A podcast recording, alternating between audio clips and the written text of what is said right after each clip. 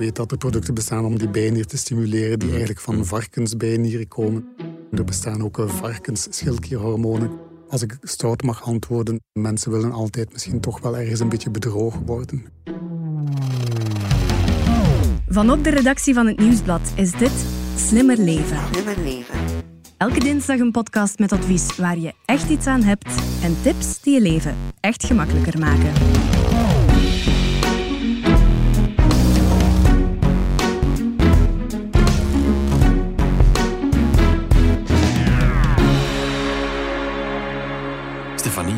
Ik heb last van mijn hormonen. Oei. Ja, mijn hormonen slaan op hol, echt waar. Oei, Ze zijn helemaal uit balans, je moet me helpen. Oei. Eh, ik ben Elias Meekens en bij mij zit Stefanie Verhelst, vaste redactrice van deze podcast. Hallo. En professor Dr. Guy Tjoen, diensthoofd endocrinologie in het UZ Gent. Goeiedag allebei. In deze podcast gaan we het dus hebben over onze hormonen. Wie zijn ze en wat doen ze precies? En wat kunnen we wel of niet aan onze hormonen wijten? Alle antwoorden in deze aflevering van Slimmer Leven.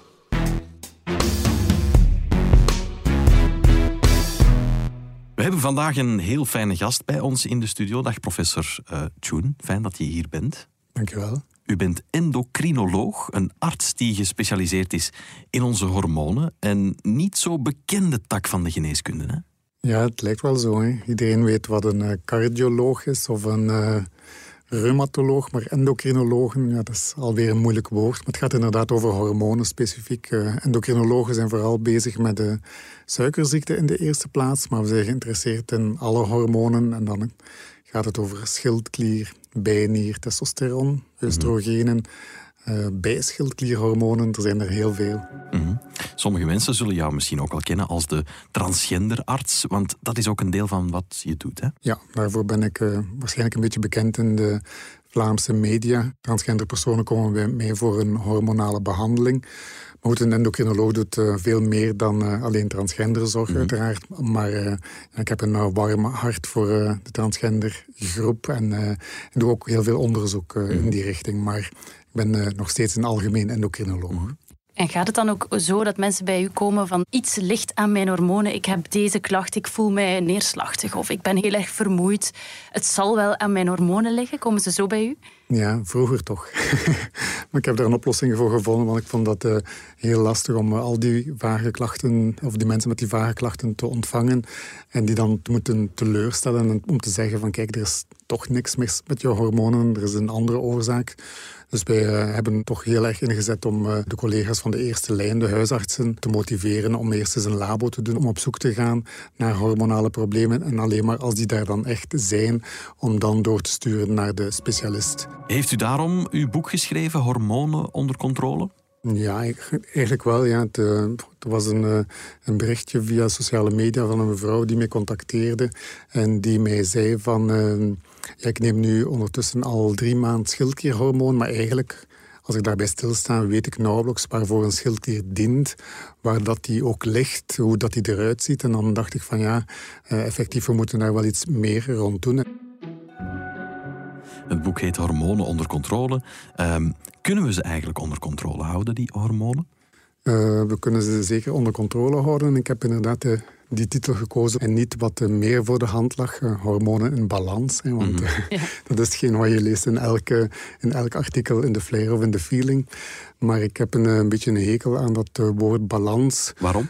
Omwille van het feit dat uh, onze hormonen nooit in balans zijn. En dat is uh, net het uh, ingenieuze van ons lichaam, dat we op die manier met die wisselende hormonale spiegels ons kunnen aanpassen aan externe omstandigheden. Aan warmte, aan koude, aan stress. Moeten we vluchten, hebben we honger, zijn we verzadigd. Dus die hormonen spelen continu in op de omstandigheden rondom ons. En daarom zijn ze nooit perfect in balans, maar ze moeten natuurlijk wel onder controle zijn. Want geen controle niet meer is een ziektetoestand, dat is een extreem te veel een extreem tekort en dan worden mensen wel ziek. Dus ik heb graag de hormonen goed onder controle, maar ze mogen gerust wel een beetje uit balans zijn.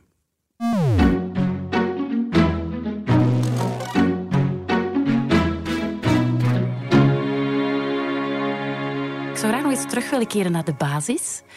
Die hormonen. Kan jij als endocrinoloog eens zeggen, um, wat zijn hormonen eigenlijk? Wat doen die precies? Je hebt het al gezegd, van kop tot teen. Maar kan je zo een aantal concrete dingen uh, oplijsten? Ja. Van voorbeelden van wat hormonen in ons lichaam doen? Ja, dus een hormoon is een uh, signaalstof die gemaakt wordt in één specifiek kliertje, bijvoorbeeld de schildklier. En dat hormoon belandt, belandt dan in de bloedbaan en gaat dan circuleren doorheen de bloedbaan naar overal in ons lichaam. En, um, dat zijn boodschappertjes eigenlijk, op een of andere manier. En die gaan op zoek naar een ontvanger, zoals een sleutel. En die is op zoek naar een sleutelgat. En als er dan ergens een contact is en er is grote liefde tussen die sleutel en dat sleutelgat, dan gebeurt er een actie. En dan, gaat, dan gaat er iets veranderen in het lichaam. En dat is eigenlijk de definitie van hormonen. Dus je hebt één plek waar ze gemaakt worden, maar de effecten zijn op afstand voorbeeldje, je uh, bent rustig aan het slapen, s'nachts en ineens gaat het brandalarm af grote paniek. Je, je, springt uit je bed, eh, een beetje angstig gevoel, hartkloppingen meteen, want ja, dat is wel enorm Adrenaline. schrikken. Adrenaline is dan het eerste hormoon wat op zo'n moment zal gemaakt worden. Maar de bijnier, want adrenaline komt uit de bijnier, eh, die bevat nog een tweede, bevat vele hormonen, maar nog een tweede hormoon, cortisol, een ander stresshormoon. En die beide hormonen zorgen ervoor dat we dan ofwel gaan beginnen vechten of beginnen vluchten. En in het geval van zo'n brandalarm denk ik dat we gaan vluchten. En als je dan merkt van oké, het was gewoon een defecte batterij, dan valt die stress weg en zal, zullen onze hormonen weer gaan normaliseren. dus je, je past je gewoon aan de, aan de omstandigheden en hormonen helpen ons daarbij. Wat is jouw favoriet hormoon? Heb je een favoriet? Um, ik kom uit een, uh, uit een universitaire instelling waar het hormoon waar altijd heel veel onderzoek rond gedaan is, het hormoon testosteron is. Als ik dan toch eentje moet noemen, dan zeg ik wel uh, testosteron. Wat zijn eigenlijk de belangrijkste hormonen? Er zijn een aantal hormonen die echt wel van levensbelang zijn. En insuline is daar een van. En dan ook uh, ja, levensnoodzakelijk zijn uh, cortisol, het bijnierhormoon en uh, schildklierhormoon. Zonder die hormonen ga je dood. Dus dat zijn wel de meest essentiële. En dat is natuurlijk een heel ander verhaal dan mensen die komen van ik denk dat ik iets heb aan mijn hormonen, want ik voel me een beetje moe, een beetje neerslachtig. Ik uh, ben met verkeerde been uit bed gestapt of ik heb uh, last van een puistje. Dat is natuurlijk wel een heel ander verhaal dan die levensbelangrijke hormonen.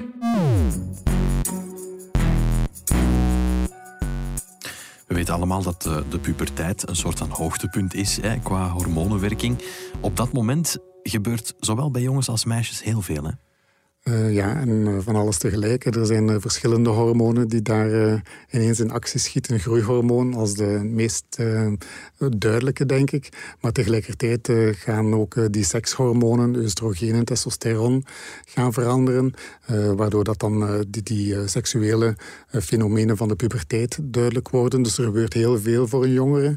En je mag niet vergeten dat die hersenen ook nog moeten kunnen volgen. Dat die ook nog aan het groeien zijn. jongeren leren heel veel op zo'n moment kunnen we, en daarbij ook meteen de vraag, moeten we de hormonen van, van die pubers onder controle houden? Of laten we de natuur gewoon haar ding doen? Ja, we laten best van al de natuur haar ding doen, denk ik. Ik denk niet dat we daar uh, veel invloed moeten op uitoefenen. Misschien met uitzondering bij mensen waar die puberteit echt wel veel te laat komt of net veel te vroeg komt, omdat dat dan wel een enorme sociale impact heeft. Als je als jong meisje al borstontwikkeling krijgt vanaf de leeftijd van zes jaar, of je krijgt al schaamhaar, of je komt als jonge man niet in puberteit op je zestien, dan zijn er natuurlijk redenen om terug naar die uh, kinderendocrinoloog te stappen om te kijken wat daar mogelijk is. Of we puberteit dan moeten remmen of net moeten in gang steken. Maar over het algemeen uh, gaan we daar uh, ons Best niet, op ingrijpen. Daar gaan we ons niet mee moeien. Nee. Wanneer moeten ouders zich eigenlijk zorgen maken als het gaat over die puberteit bij hun kind? Als ze bepaalde dingen opmerken op een bepaalde leeftijd. Ja. Wanneer moet je dan best eens naar de dokter gaan? Voor de meeste jongens begint de puberteit tussen de leeftijd van 9 en 14 jaar. En bij de meisjes is dat dan eh, net een beetje vroeger, tussen de 8 en de 13. Dus als je dan buiten die categorieën valt, als je dan een te vroege of net een te late puberteit hebt, dan, uh, dan denk ik dat het goed is om toch eens contact op te nemen met de huisarts en eventueel met de kinderendocrinoloog. Bij meisjes begint de puberteit meestal met uh, een beetje borstvorming. Bij jongens minder opvallend beginnen de teelballen wat toe te nemen in volume, maar daar wordt zo minder naar gekeken, denk ik, als ouder. Wat je ook ziet bij pubers is dat de ene bijvoorbeeld heel veel last heeft van acne. De andere gedrag is helemaal veranderd. Hij wordt, wordt uh, op dat vlak anders. Ja. Um, hoe komt het dat daar zo'n verschil op kan zitten? Ja, ik vind dat een goede vraag. En ik denk dat je op met die vraag ook ergens een blinde vlek van de endocrinologie blootlegt. We focussen altijd op die hormonen die we dan meten in het bloed.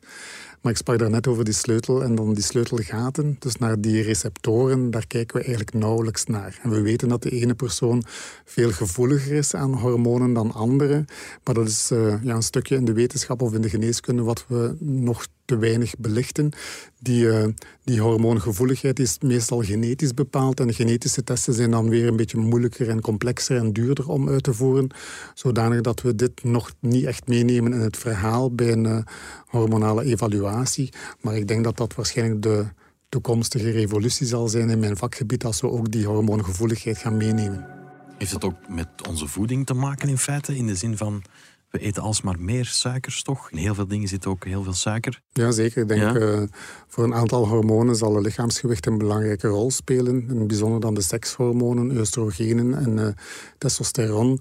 Daar weten we dat uh, ondergewicht of anorexie of een belangrijk overgewicht toch echt wel een invloed heeft op, op die hormonale spiegels. Jonge vrouwen die heel veel sporten of jonge vrouwen met anorexie die stoppen met menstrueren. Net omwille van het feit dat de hypothalamus, dat is dan een structuur in de hersenen die alle hormonen aanstuurt, dat die stilvalt. En omgekeerd zie je eigenlijk eenzelfde fenomeen als er belangrijk overgewicht is. Als je veel te zwaar bent, dan gaat ook die hypothalamus weer gaan stilvallen. En dan zien we bijvoorbeeld uh, mannen met belangrijk overgewicht die een heel laag testosteron hebben. En dus je moet toch inderdaad een gezond lichaamsgewicht uh, hebben om een goede hormonale werking te kennen. Als we opschuiven dan van de puberteit naar de volwassenen, uh, wij allemaal, mannen, vrouwen. Um, bij vrouwen uh, heb je altijd de periode van de maand. Uh, daar worden ook heel veel dingen op afgeschoven. Ja. Is dat eigenlijk oké? Okay? als gaat dan hè, in de link met hormonen. Klopt dat eigenlijk dat we dat doen? Um, ik denk dat dat heel wisselend is. Ik ken veel vrouwen die, die effectief een menstruele cyclus hebben zonder de pil en die daar eigenlijk al bij al weinig last van hebben en weinig emotionele klachten. Maar er zijn anderzijds veel vrouwen die dat wel ervaren, die toch wel hevige symptomen hebben, het perimenstrueel syndroom. Waarbij dan eh, de eerste twee weken van een cyclus uh, alles tip-top in orde is, maar dan die en na de ijsprong dan, uh, beginnen die hormonen weer te veranderen. De oestrogenen dalen, progesteron stijgt. En dan uh, kunnen vrouwen last hebben van meer emotioneel zijn, vocht opstapelen, uh, borstspanning en dergelijke. En dan kan dat voor sommige vrouwen echt wel een grote ellende zijn die elke maand terugkomt. Um, en als je dan die vraag stelt van, komt dat dan, ja, die symptomen elke maand opnieuw? Ja, sommige vrouwen hebben daar enorm veel klachten van. Maar je kan het ook niet veralgemenen. Nee, nee. Ehm, de pil raakt je al even aan. Um, daar is de laatste tijd weer wat om te doen geweest als het gaat om de coronavaccins, AstraZeneca en de mogelijke risico's die daaraan verbonden zijn. Ja, hoe moeten we daar nu naar kijken, naar die pil? Is dat allemaal veilig? Ja, ik denk niet dat het een vanzelfsprekendheid is. Ik denk dat vrouwen nog altijd heel bewust een keuze moeten maken welke vorm van contraceptiva zij verkiezen. Eh, er zijn alternatieven buiten de pil natuurlijk.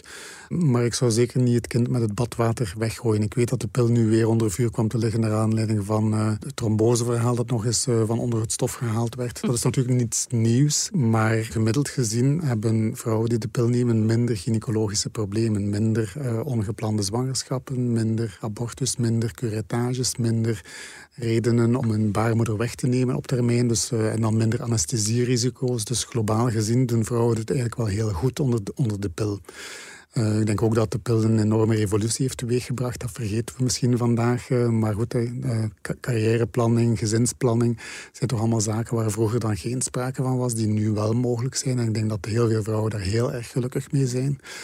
Anderzijds, dat tromboserisico is reëel, je kan dat niet ontkennen. Maar het is allemaal afhankelijk van hoe je dat, zegt en toont. Hè. Stel, stel dat je zegt van het risico van het nemen van de pil verhoogt, uh, verhoogt het risico trombose met uh, 4 maal 4. Dat lijkt enorm veel, maar dan spreken we over in plaats van 1 op 10.000 per jaar, spreken we dan op, over 4 op 10.000 per jaar. Dus je kan het omkeren en zeggen van het is geen risico wat viermaal hoger is, maar 9.996 vrouwen hebben geen probleem. Mhm. Dus in die zin altijd een beetje het onderscheid maken tussen absolute risico's die heel klein blijven en relatieve die soms spectaculair in de pers staan. Nu, die risico's zijn, zijn één ding, maar wat ik in mijn omgeving zie, bij heel wat vriendinnen, is zo die pilmoeheid. Het feit dat het toch op een bepaald moment vanaf hun 18 of zo vanzelfsprekend was van neem maar die pil, die nu eind de 30 zijn en zoiets hebben van pff, ik ben het beu. Uh, Hoe komt dat? Is daar een, verklaar, is daar een bijna wetenschappelijke verklaring voor? Of, of zit dat, waar zit dat? Ja, ik denk dat er sowieso een tendens is dat we allemaal veel meer streven naar het natuurlijk. En dan zo'n pil nemen is dan uh, ingaan tegen de natuur. Ik denk dat uh, daar een grote beweging rond bestaat. Er bestaat heel veel controverse rond de pillen. Je hebt uh, fervente tegenstanders, je hebt enorme fans van de pil. En ik denk dat wij daar als dokter alleen maar kunnen in adviseren. En, op basis van wetenschappelijke informatie. Daar zelf niet per se een mening moeten over hebben. Maar ik denk dat de informatie geven het belangrijkste is. Sommige vrouwen voelen zich veel beter met de pil dan zonder. Hè. Mhm. Sommige vrouwen zeggen van ik geniet veel meer van seks omwille van het feit dat ik eh, mij geen zorgen moet maken over een uh, ongeplande zwangerschap. Mhm. Terwijl andere vrouwen dan zeggen ja, door die pil is mijn eh, libido flink gezakt. En dus je, ik denk dat het zo individueel verschillend is en dat je uh, soms eens moet proberen en, en als arts alleen maar kan goed adviseren, maar dat finaal die vrouw nog altijd haar eigen beslissing moet mhm. nemen daarin. Wat je ook ziet, is dat mensen bepaalde hormonen innemen hè, om een aantal dingen te beïnvloeden. Je libido te verhogen bijvoorbeeld, of om rustiger te worden. Anabolen en testosteron om een uh, prachtige spierbundel te kweken. Hoe sta jij daar tegenover? Uh, ik denk als je extreme gaat nastreven, dat je altijd in de problemen komt, lichamelijk gezien. Het is nogal evident bij anabolica gebruik, bij dopinggebruik. Je zit sowieso al in een illegaal circuit te vissen. En ehm, het grootste probleem is dat je in een onnatuurlijke toestand terechtkomt. Niet alleen qua spiermassa, maar ook uh, psychologisch gezien. En als je vroeg of laat dan van die doping, van die anabolica afgaat, dan uh, kan ik u verzekeren dat er een grote golf van miserie volgt in je leven. En, uh, en die mensen zien mij dan op consultatie die een bepaald moment anabolica gedaan hebben, daar dan toch om een of andere reden willen mee gaan stoppen, maar dat is uh, toch meestal een, meestal een hel waar zij doorgaan. Ja, ja. Kan je zo een voorbeeld geven van een extreem... Uh...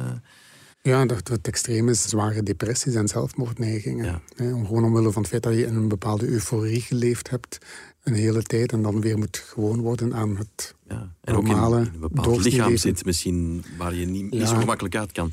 Ook al ja, en dan heb je eh, inderdaad aanvaardingsproblemen als je die, uh, die spierbundels weer toch een beetje ziet wegsmelten of ziet normaliseren. Voor sommige mensen is dat dan uh, heel erg lastig. Een ander fenomeen is de, de zogenaamde anti-aging, waar je soms van hoort. En met hormonen proberen jong blijven. Uh, wat ook eigenlijk uh, wetenschappelijk totaal geen basis kent. Hè. Dat is zo de theorie is van uh, ik ga mijn hormonen op een niveau zetten net zoals iemand van 25 die heeft. In de hoop om op die manier meer energie te hebben en jonger te zijn en te blijven. Er is geen wetenschappelijke basis voor. Integendeel, uh, meestal als je die hormonen dan uh, ook overdoseert, want dat is eigenlijk ook een vorm van doping, mhm. dan krijg je weer andere lichamelijke klachten, bijvoorbeeld hartritmestoornissen bij het, gebruik van, bij het onnodig gebruik van schildklierhormoon. Dus ik denk uh, van zo'n zaken blijven wij als endocrinologen liefst zo ver mogelijk weg. Kan ik me voorstellen. Ja, ik heb even gegoogeld hormonen kopen. Uh, heel eenvoudig ging dat. 60 capsules, 30 euro. Uh, alle klanten gaven 5 op 5, 5 sterretjes. Want het is goed voor mijn uitgeputte bijnieren en ik heb er minder stress van.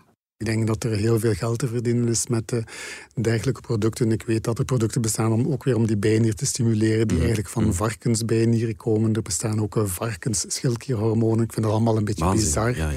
Terwijl uh, er goede en terugbetaalde en goedkope producten zijn, waar wij uh, al heel lang mee werken. Heel betrouwbare producten, maar ja, mensen uh, zoeken altijd iets anders. Of, of als ik stout mag antwoorden, mensen willen altijd misschien toch wel ergens een beetje bedrogen worden. En door aan zo'n zaken heel veel geld uit te geven. Ja, want die anti-aging toestanden, waar vinden die mensen die daaraan beginnen dan de informatie? Is dat van een, een dokter die dan na zijn uren een beetje wil bijverdienen nog? Of is dat louter op het internet dat, dat, dat ze gewoon wat googlen en dan dingen vinden en op die manier een dieet samenstellen?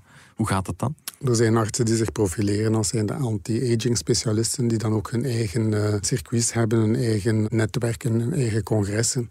Maar ik daag die mensen altijd uit om mij voor- en na-resultaten te tonen, om dan te bewijzen, ook op basis van een grote groep mensen, dat de interventie die zij doen, dat dat inderdaad een, eh, een verschil maakt op levenskwaliteit, maar even goed uh, durven kijken naar eventuele bijwerkingen die zo'n behandeling mhm. met zich meebrengt. En helaas heb ik nog niet veel van dergelijke resultaten gezien. Waar zit het verschil? Kan je dat eigenlijk als gewone burger zien of te weten komen tussen pure kwakzalverij waar niks van aan is, of echt wel gevaarlijke spullen ik denk als je zaken via internet gaat bestellen, hormonen of allerlei voedingssupplementen, dan zit daar altijd wel een gevaar achter, denk ik. Zeker uh, hormonen bestellen via internet. Je weet niet wat je koopt, je weet niet wat de exacte bestanddelen zijn, je weet niet welke dosis daar effectief wel in zit.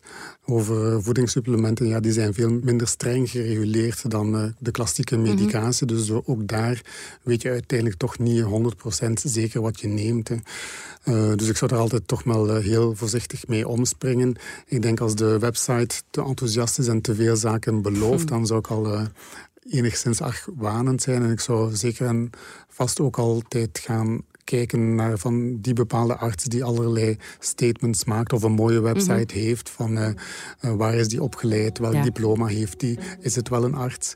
Want mhm. ook daar vind je veel variatie, denk ik. Ik las in jouw boek iets over hormoon-yoga. Het past een beetje in de anti-aging wat je daarnet al zei. Hè? Het zou ook helpen om de effecten van verouderen tegen te houden. Ja. Ik had er nog nooit van gehoord. Hormoon-yoga, stel je voor. Wat is, wat is dat dan? Hormoon-yoga wordt vaak geadverteerd in het kader van menopauze en menopausale klachten. En ik denk dat het inderdaad wel goed is voor iedereen om yoga te doen en te bewegen en soepel te blijven. En, het is gewoon yoga doen. Tot, dus rust, worden, ja, tot rust te komen. Of dat het dan mm. veel effecten heeft op hormonale spiegels, daar stel ik mij de vraag bij.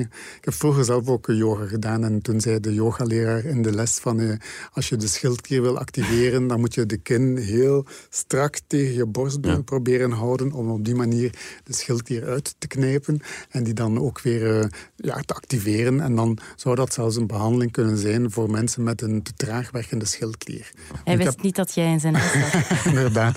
Na de les ben ik... Ik heb, zo, ik, heb, ik heb, drie keer gezwegen. De vierde keer ben ik eens uh, bij de yoga-leraar gegaan. Heb ik dat toch eens uitgelegd. En dan nadien, telkens dat ik in de les zat, want het was een repetitieve les, heeft hij dat nooit meer gezegd. Maar misschien ondertussen weer. Maar goed, dat zijn interessante theorieën. En het, mm ik bedoel, het, is een, het is een mooi idee dat zoiets zou werken. En ik wil daar wel in meegaan, maar ik denk dat we dan ook moeten durven om te zeggen van oké, we gaan hier een groep uh, patiënten, in mijn geval dan uh, met een te traag werkende schildklier, die oefeningen laten doen gedurende 20 dagen, een jaar, mhm. en kijken uh, wat het effect is. Maar ja, zover komt het uiteindelijk toch niet, helaas. Wat ik als boodschap uit jouw boek ook zo'n beetje kon afleiden, was eigenlijk dat je toch best zo gezond mogelijk leeft, eet, veel bewegen. Um, maar waarom is dat belangrijk um, als het gaat over je hormonen? Wat is de link daar eigenlijk? Ja, dat het tweeërlei zijn. Een van de meest voorkomende diagnoses in eh, België is diabetes, is type 2 diabetes. Dat vaak gekoppeld is aan, als gevolg van overgewicht, van obesitas. Dus daar lijkt het nogal evident dat als je gezond wil zijn en diabetes wil vermijden, en niet alleen diabetes op zich, maar ook al de complicaties daaromtrent, dat je moet streven naar een gezond gewicht in de mhm. mate van het mogelijke. Dan denk ik van, kan je evengoed misschien ook een vermageringshormoon bestellen of voorgeschreven uh, krijgen? Ja. Of is het zo simpel niet? Uh, het is eh, ze bestaan alleszins, die vermageringshormonen. Die zijn, eh, die zijn op de markt. Het is een heel lange tijd eigenlijk niks goed op de markt geweest om, om mensen te helpen vermageren. Momenteel bestaat er wel zoiets. Maar dat is momenteel alleen maar gereserveerd voor mensen met type 2 diabetes. Met de suikerziekte dus. Als je dat ook zou willen gebruiken, zonder dat je suikerziekte hebt in voorbereiding van de strandvakantie binnenkort, dan uh, betaal je toch wel een uh, flinke som geld per maand. En dan spreken we iets van een 250 euro per maand niet terugbetaald. En natuurlijk. Het maar werkt, het werkt wel. Maar het werkt alleen maar zolang dat je doet. Hè. Mm -hmm. dus als je daar dan weer mee stopt, dan kom je toch weer naar je uh, basisgewicht terug. Mhm. Dus je kan het zo eventjes doen. Of als je veel geld uh, te spenderen hebt, kan je het heel lang volhouden natuurlijk. Dus er zijn mensen die daar effectief voor kiezen. Maar de resultaten daarvan zijn ook niet wauw. Dus er zijn geen spectaculaire gewichtsveranderingen mee gemoeid. Dus ik denk dat terugkeren naar de basis van en dat gezond eten... Ehm, toch misschien eventjes contact opnemen met een diëtist uh, en toegenomen lichaamsbeweging, dat dat waarschijnlijk op lange termijn toch nog altijd veel meer resultaten hebt. We moeten een beetje af van het idee van uh, alles komt uit een potje of uit een mhm. spuitje. Je moet volgens mij toch wel zelf aan de slag gaan. Wat ik me ook nog als uitsmijter toch afvraag als je nu een hele hormonenkuur hebt gevolgd. Hè? Bijvoorbeeld onder begeleiding bij een geslachtsverandering of, of, een behandeling van een ziekte. Wat doet dat dan met je lijf? Heeft dat ook blijvende gevolgen? En, en... De langere termijn? Ja. Ja, uh, laten we ons van uitgaan dat als mensen met een bepaalde ziekte komen bij de endocrinoloog en als we aan de slag gaan met de hormonen, dat het allemaal beter is. Dat, uh, daar gaan we vanuit. Uh. Soms moeten we hormonen remmen als die te hyperactief zijn. Soms moeten we ze bijgeven bij belangrijke tekorten. Dus we gaan toch streven naar een betere gezondheidstoestand dat lukt natuurlijk niet altijd afhankelijk van, de, van het verhaal van de patiënt, afhankelijk van de ziekte die die heeft. Maar we gaan daar toch van uit. En hetzelfde geldt uiteraard bij onze transgender personen. Dat we dromen helpen realiseren, dat we zorgen dat die mensen uh, hun lichaam beter past bij die genderidentiteit. En daar zijn een aantal gewenste effecten van hormonen. Uh, die voor de meeste mensen uh, dat het net goed is als die blijvend zijn. Dr. Google. Als ik uh, rond hormonen zit te googelen, dan kom ik heel gemakkelijk uit bij hormoonbalansdiëten. Ja, Dr. bijzonder, hè? Ja, ja dat, uh, maar ik weet eigenlijk al wat je gaat zeggen. Ik denk dat, dat, er, dat het niet betrouwbaar is. Hè? Er is niks van aan, wellicht. Het is heel interessant, denk ik. En ik heb zelf ook een voorstel gehad, omwille van uh, het feit dat ik af en toe in de media kom van wil je ook een hormoondieetboek maken voor Vlaanderen? Ik heb dat eigenlijk onmiddellijk geweigerd omwille van het feit dat, uh, dat er nauwelijks wetenschappelijk onderzoek te vinden is die dat ondersteunt. Voedingsleer is sowieso, eh, diëtiek is sowieso al heel complex, omdat het altijd gaat om heel veel verschillende voedingsbestanddelen die dan een invloed hebben op het lichaam en daar dan eentje uitpikken die dan zogezegd dat ene hormoon zal gaan mhm. verbeteren of gaan remmen. Ik stel me daar toch wel ernstige vragen bij. Ook uh, denk ik als je dergelijke boeken zou lezen of daarin geïnteresseerd bent, ga toch eens altijd gaan kijken van wie heeft die geschreven. Is dat wel een arts? Is dat een uh, diëtist? Heeft die een diploma? Zonder specifieke kritiek uit te oefenen op één specifieke persoon, want ik heb die boeken zelf nooit mhm. gelezen. Maar het is alleszins geen aanpak die wij toepassen in, uh, in de klassieke geneeskunde, wat niet wegneemt dat, zeker in het kader van overgewicht, obesitas, type 2 diabetes, dat onze diëtisten natuurlijk altijd de eerste aanzet is dat boek heb je niet geschreven. Je hebt wel gewoon een ander boek geschreven waar we misschien makkelijker naar kunnen verwijzen. Hè. Je boek Hormonen onder controle, wellicht kan je dat ook heel makkelijk online vinden. Absoluut. Ik verwacht het eigenlijk wel. Absoluut, zeker en vast. Guy en Stefanie, hartelijk bedankt voor dit gesprek. Graag gedaan. Met plezier. Dit was de podcast Slimmer Leven van het Nieuwsblad. De redactrice was Stefanie Verhelst. De gast voor vandaag was professor Dr. Guy De audioproductie gebeurde door Pieter Schrevens van House of Media. De eindredactie werd in goede banen geleid door Bert Heijvaart en Eva Migom.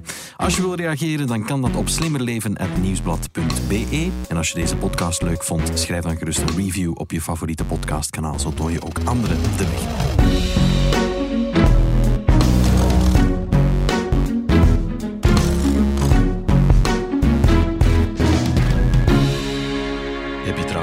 Andere podcasts al ontdekt. Onze Krimi-podcast bijvoorbeeld, Stemmen van Assise.